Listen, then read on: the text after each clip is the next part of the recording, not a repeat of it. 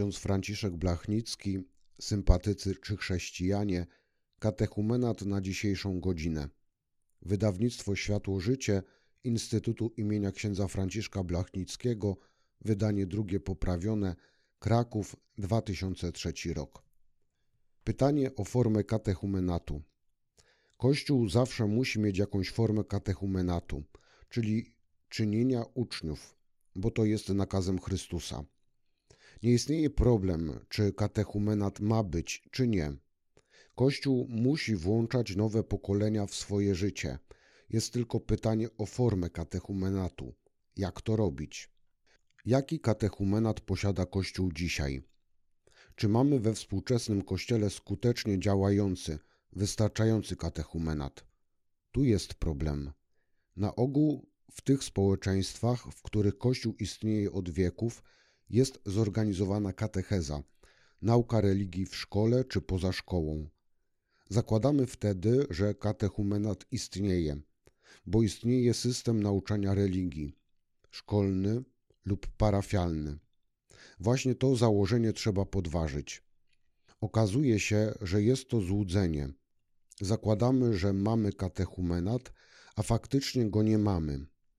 Nauka religii czy katecheza w jakiejkolwiek formie istnieje, choć sama w sobie jest dobra, to nie jest tym samym co katechumenat. Czym więc jest katechumenat i jakie musi wypełniać zadania, żeby był tym, czym powinien, to znaczy procesem inicjacji chrześcijańskiej, procesem, w którym człowiek staje się chrześcijaninem, procesem włączającym człowieka w życie wspólnoty Kościoła. Na ogół wylicza się sześć funkcji katechumenatu, albo inaczej mówiąc, sześć linii formowania człowieka. Katechumenat musi wdrażać do życia Słowem Bożym. Jest to jego pierwsza funkcja. Nie tyle ma on nauczać historii biblijnej i dawać bierną znajomość Pisma Świętego, ale ma wychować człowieka do życia na co dzień Słowem Bożym. Jest to istotna, podstawowa funkcja katechumenatu. Trzeba uczyć człowieka, jak Słowo Boże może czynić słowem życia, czyli słowem, które będzie kształtowało jego życie, któremu podda swoje życie, które wskutek tego da mu życie. Tego bardzo często nie ma w szkolnym katechumenacie, bo tylko podaje się informacje i wiadomości o Piśmie Świętym – to jest dobre i pożyteczne, ale to nie jest katechumenat. Po drugie, katechumenat musi wdrażać człowieka do życia modlitwą, czyli do dialogu z Bogiem, do osobowego kontaktu z Bogiem. Nie wystarczy uczenie pacierza, nie wystarczy nauczyć się na pamięć pewnych modlitw.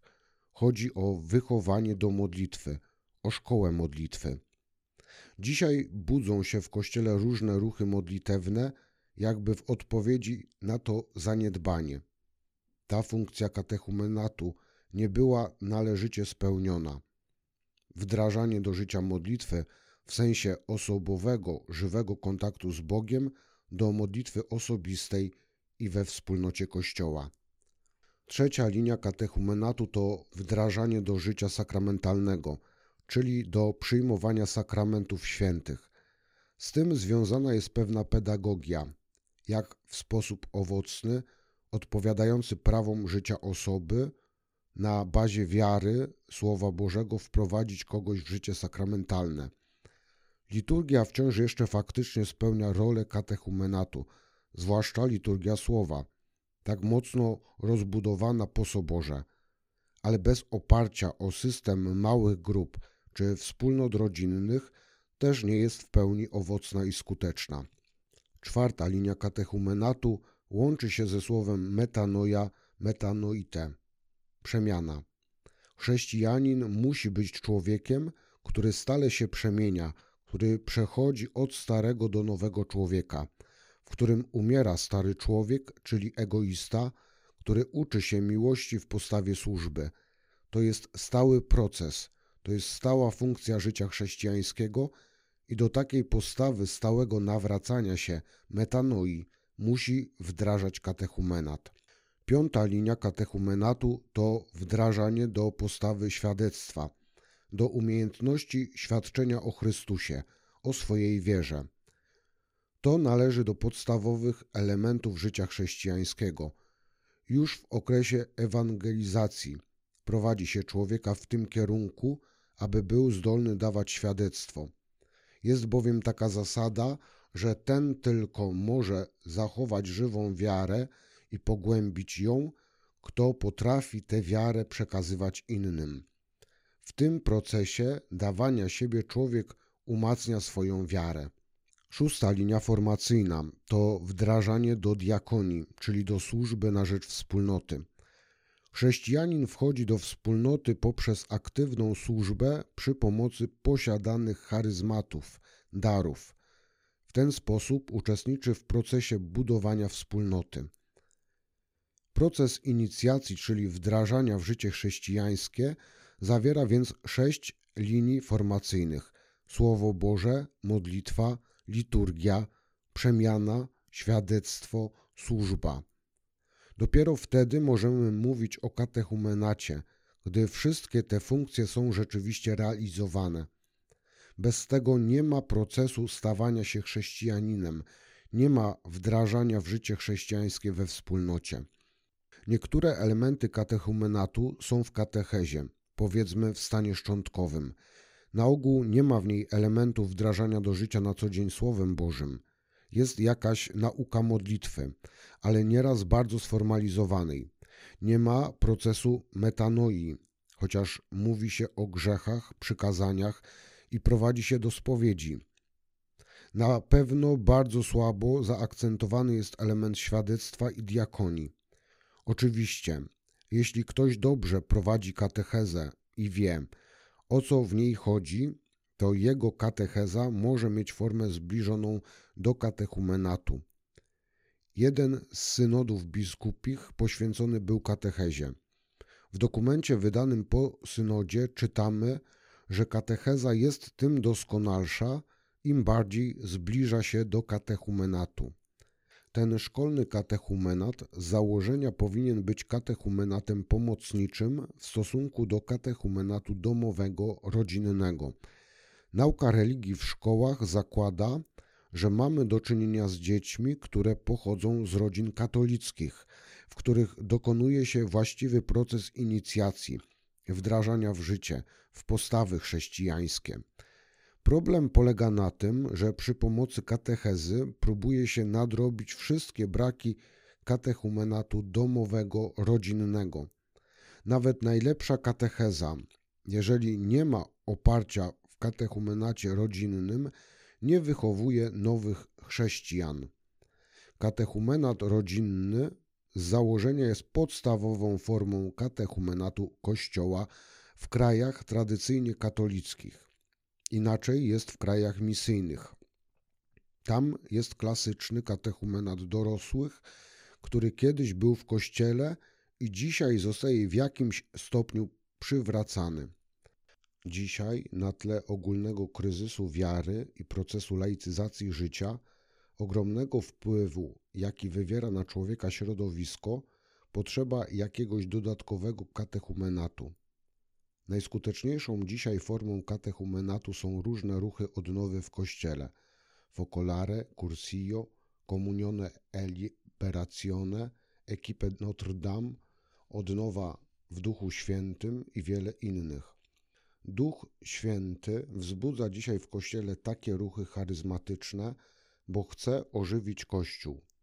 Obdarza różne osoby odpowiednimi charyzmatami, żeby wzbudzały w Kościele te ruchy odnowy, w których w sposób intensywny są realizowane elementy katechumenatu. Niektóre z tych ruchów wyraźnie określają siebie jako ruch katechumenalny. To jest przede wszystkim neokatechumenat. Drugim jest ruch światłożycie, który określa siebie jako ruch deuterokatechumenalny. We wszystkich ruchach jest wdrażanie do życia Słowem Bożym, jest życie modlitwy, pielęgnowanie liturgii, dążenie do przemiany życia, świadectwo i służba. Ruchy te bazują przeważnie na małych wspólnotach, które stają się środowiskami wzrostu wiary, w których proces wdrażania w postawy chrześcijańskie, w życie chrześcijańskie intensywnie się rozwija. Myśląc o przyszłości Kościoła, musimy dążyć do tego, żeby każda parafia miała rzeczywiście funkcjonujący, skuteczny katechumenat. Nie należy przy tym stawiać sprawy alternatywnie, albo tak udoskonalić katechezę, żeby miała w sobie elementy katechumenatu, albo odnowić rodzinę chrześcijańską, żeby była katechumenatem, albo tak rozbudować ruchy w parafii, żeby w nich wierni mogli przeżyć tę chrześcijańską inicjację. Te rzeczy dopełniają się. Trzeba postawić zarówno postulat odnowy rodziny, żeby stawała się domowym kościołem i spełniała funkcję katechumenatu, postulat odnowy katechezy, jak i postulat umocnienia ruchów odnowy w parafii, których w małych wspólnotach właśnie ten proces się dokonuje. Zarysowuje się pewien plan odnowy Kościoła we wspólnotach lokalnych poprzez ewangelizację i odnowę katechumenatu. Musimy stwierdzić, że jeśli chodzi o pracę w naszych parafiach w Polsce, nieraz jest fałszywe rozłożenie akcentów. Główny akcent jest położony na katechezę, która jest ogromnie rozbudowana. Kapłan ma w tygodniu 40 godzin nauki religii. Wtedy oczywiście nie ma czasu na przygotowanie liturgii, homilii, nie ma czasu na modlitwę, na pracę z małymi grupami. Mnożenie godzin katechezy nie jest lekarstwem na ogólny kryzys wiary. To raczej błąd strategiczny. Kiedyś w Krościenku dyskutowaliśmy o tych problemach w grupie księży razem z biskupem Plutą z Gorzowa Wielkopolskiego. Biskup powiedział, że kiedyś zredukował o połowę liczbę godzin katechezy jednemu ze swoich księży, ale pod warunkiem, że codziennie jedną godzinę z tych zredukowanych miał dłużej spać. Cztery godziny w tygodniu poświęcić na pracę z rodzinami, resztę godzin na osobistą modlitwę i studium Pisma Świętego. Biskup był pewien, że jeśli ten ksiądz zastosował się do tych zaleceń, jego praca duszpasterska stała się owocniejsza. A gdyby tak ten schemat zastosować do wszystkich księży w całej Polsce, byłaby rewolucja. Gdyby się to udało, wynikiem byłaby odnowa Kościoła. Dzięki ruchom odnowy w Polsce bardzo zmieniła się świadomość księży. W pierwszych latach mego kapłaństwa, gdy mówiłem o pracy w małych grupach, gdy stawiałem za przykład kościół we Francji, grupy małżeńskie ruchu Ekip Notre Dame, wszyscy mówili, że u nas to niemożliwe, bo my w kościołach mamy masy i duszpasterstwo masowe. Dzisiaj już nikt tak nie mówi. I biskupi, i księża wszyscy rozumieją, że małe grupy to punkt ciężkości naszej pracy i przyszłość dla Kościoła. Oczywiście ta praca w grupach musi być odpowiednio wbudowana w kontekst pracy całej parafii. Inaczej może pojawić się niebezpieczeństwo, że grupy będą istniały jak gdyby dla siebie. Przez ewangelizację do katechumenatu, przez katechumenat do najróżniejszych diakonii w parafii. Kryzys wiary, a kryzys katechezy. Dzisiaj wiele się mówi o kryzysie wiary, praktyk religijnych, w ogóle o kryzysie chrześcijaństwa, zwłaszcza w świecie tak zwanym zachodnim. Oczywiście szuka się przyczyn tego kryzysu. Ponieważ normalnie nowe pokolenia wprowadza się do kościoła poprzez katechizację, to oczywiście rodzi się pytanie, czy wobec tej sytuacji kryzysowej katecheza jest w porządku, czy błąd nie leży w sposobie katechizacji, skoro jest ona tak mało owocna. Przeżywaliśmy jeszcze, przeżywamy w kościele tak zwaną odnowę katechetyczną. Po II wojnie światowej powstało na ten temat mnóstwo literatury, powstały instytuty katechetyczne, rozmaite szkoły, nowe metody, nowe podręczniki. Ta odnowa katechetyczna właściwie zaczęła się już przed wojną. Powstała tak zwana szkoła monachijska, potem szkoła wiedeńska. Chodziło o to, żeby wprowadzić do katechezy, do metody nauczania religii trochę psychologii, ale to nie wystarczyło. Dopiero na krótko przed wojną, a bardzo intensywnie po II wojnie światowej, odnowa katechetyczna weszła w fazę tzw. Tak odnowy kerygmatycznej. Zaczęto szukać braków katechezy. Stwierdzono, że w dużym stopniu uległa ona wpływom świeckim, że zajmowano się nią przede wszystkim od strony formalnej, to znaczy procesem nauczania. Katechetyka jako nauka o katechezie stała się dydaktyką, czyli nauką o tym, jak trzeba nauczać. W liceach pedagogicznych czy przed wojną w seminariach nauczycielskich uczono głównie dydaktyki, czyli metody nauczania. Była dydaktyka ogólna oraz dydaktyka szczegółowa, na przykład dydaktyka nauczania historii, matematyki, geografii itd. Tak Wtedy także katechezę zaczęto pojmować jako dydaktykę nauki religii. Chodziło o metody nauczania religii. Nie zastanawiano się nad treścią tego, co ma być przekazywane. Odnowa kerygmatyczna odwróciła problem i postanowiono najpierw pytanie o treści, która ma być przekazana przez katechezę. Treść bowiem decyduje o metodzie. Te poszukiwania łączą się z osobą Józefa Andreasa Jungmana. On dokonał jak gdyby kopernikańskiego przewrotu w tej dziedzinie. Postawił tezę, że treścią nauki religii, czy w ogóle nauczania w kościele, nie ma być teologia, ale kerygma. Teologia jest wiedzą religijną uporządkowaną ze ścisłymi filozoficznymi pojęciami. Te teologię wykłada się na wydziałach teologicznych w seminariach. Niestety dotąd jest jeszcze tak, że czego ksiądz nauczył się jako student teologii, to właśnie i w taki sam sposób przekazuje z ambony i na katechezie. Wygląda to powiedzmy tak, że dzieciom z pierwszej klasy mówi się o unii hipostatycznej, o tajemnicy wcielenia słowa przedwiecznego, czyli całkowicie abstrakcyjnie, a przez to zupełnie niezrozumiale dla dzieci.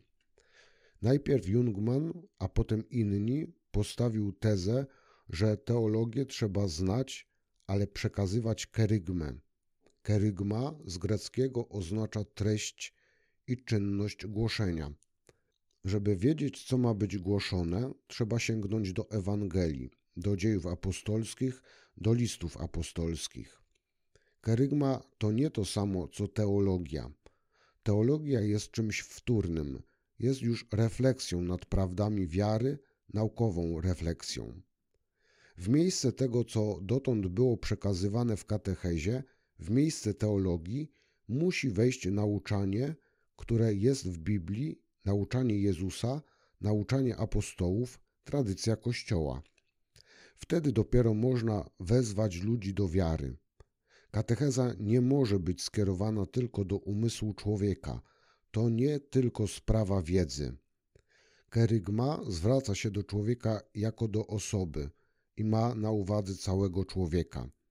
Chce uzyskać odpowiedź nie tylko umysłu, który mówi: Tak, jestem przekonany, to jest prawda, lecz odpowiedź osoby wierzę.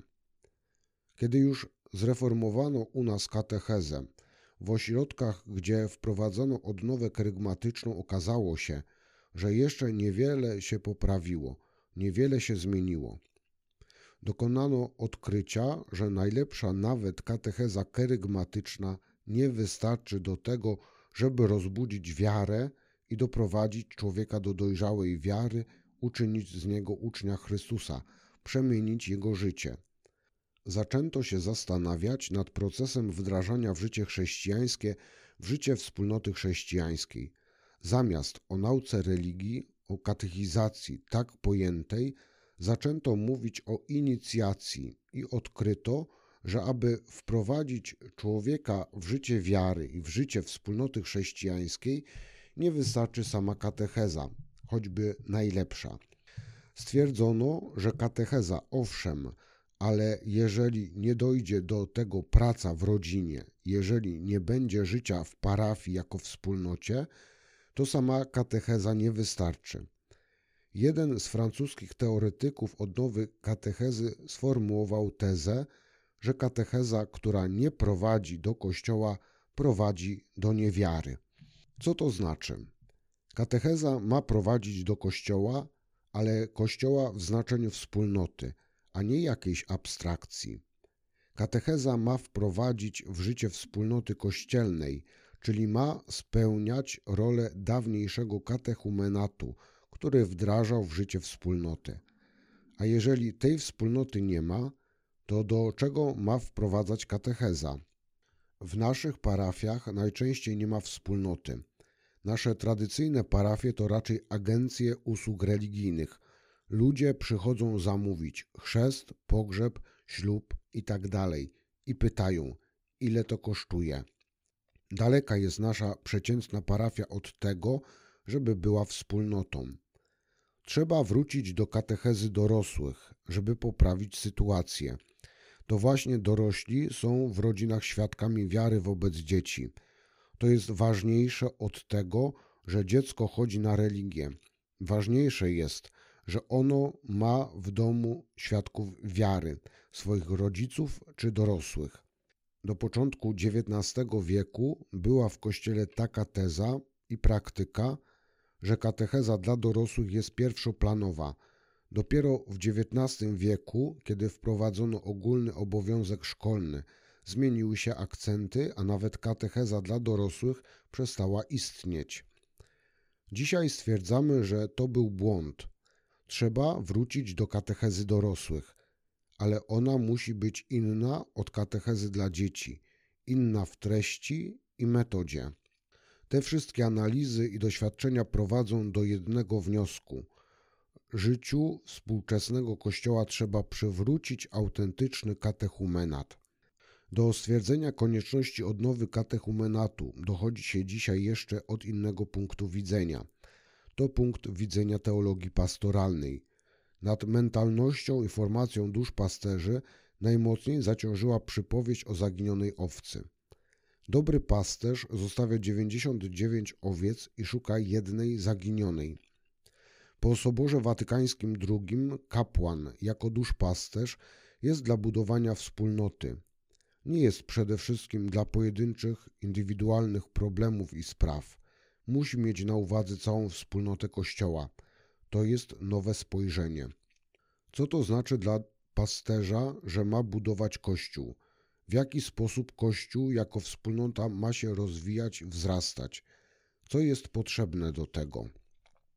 Odnowiono teologia pastoralna wprowadziła pojęcie podstawowych funkcji Kościoła. Kościół jest porównywany z żywym organizmem. Ten, żeby mógł się rozwijać, musi wypełniać pewne życiowe funkcje, jak oddychanie, odżywianie, ruch. Żeby człowiek cały był zdrowy, Wszystkie funkcje życiowe muszą być należycie wykonywane. Jeśli są zakłócenia w systemie trawienia, przemiany materii, to cały człowiek choruje. Otóż coś podobnego dzieje się z Kościołem jako wspólnotą. Na podstawie Pisma Świętego, historii, możemy powiedzieć, co jest potrzebne do tego, żeby Kościół wzrastał jako wspólnota można wyliczyć te podstawowe życiowe funkcje Kościoła. Najczęściej sprowadza się je do trzech funkcji, które wyrażają greckie słowa martyria, liturgia, diakonia. Martyria, czyli świadectwo, to głoszenie Słowa Bożego i słuchanie tego Słowa, przyjmowanie go wiarą i wyznawanie. To jest funkcja życiowa Kościoła. Jeśli nie ma przepowiadania i wyznawania wiary, jeśli nie ma świadectwa, to Kościół jest martwy. Druga funkcja to sprawowanie liturgii, uczestnictwo w sakramentach i wreszcie diakonia, wzajemne służenie sobie poprzez charyzmaty, które ktoś posiada dla budowania wspólnoty. Jeżeli w kościele jest tylko jeden pasterz, który wszystko robi, i bierne owieczki, które są tylko odbiorcami, to kościół nie wzrasta. musi zaistnieć diakonia, czyli wszyscy muszą służyć, rozpoznawać swoje zadanie. Wtedy dopiero powstaje całość. Gdy w ten sposób patrzy się na Kościół, to dochodzi się do wniosku, że funkcja życiowa Kościoła, bez której on nie może żyć, rozwijać się, jest katechumenat. To znaczy, że Kościół musi posiadać jakąś instytucję, jakiś sposób, jakąś metodę, żeby wprowadzać nowe pokolenia, żeby z tych urodzonych w rodzinach chrześcijańskich zrobić prawdziwych chrześcijan, to znaczy żywych, zaangażowanych, odpowiedzialnych. To nie dokonuje się automatycznie. To jest funkcja Kościoła, o której Kościół musi stale myśleć, o którą musi się troszczyć.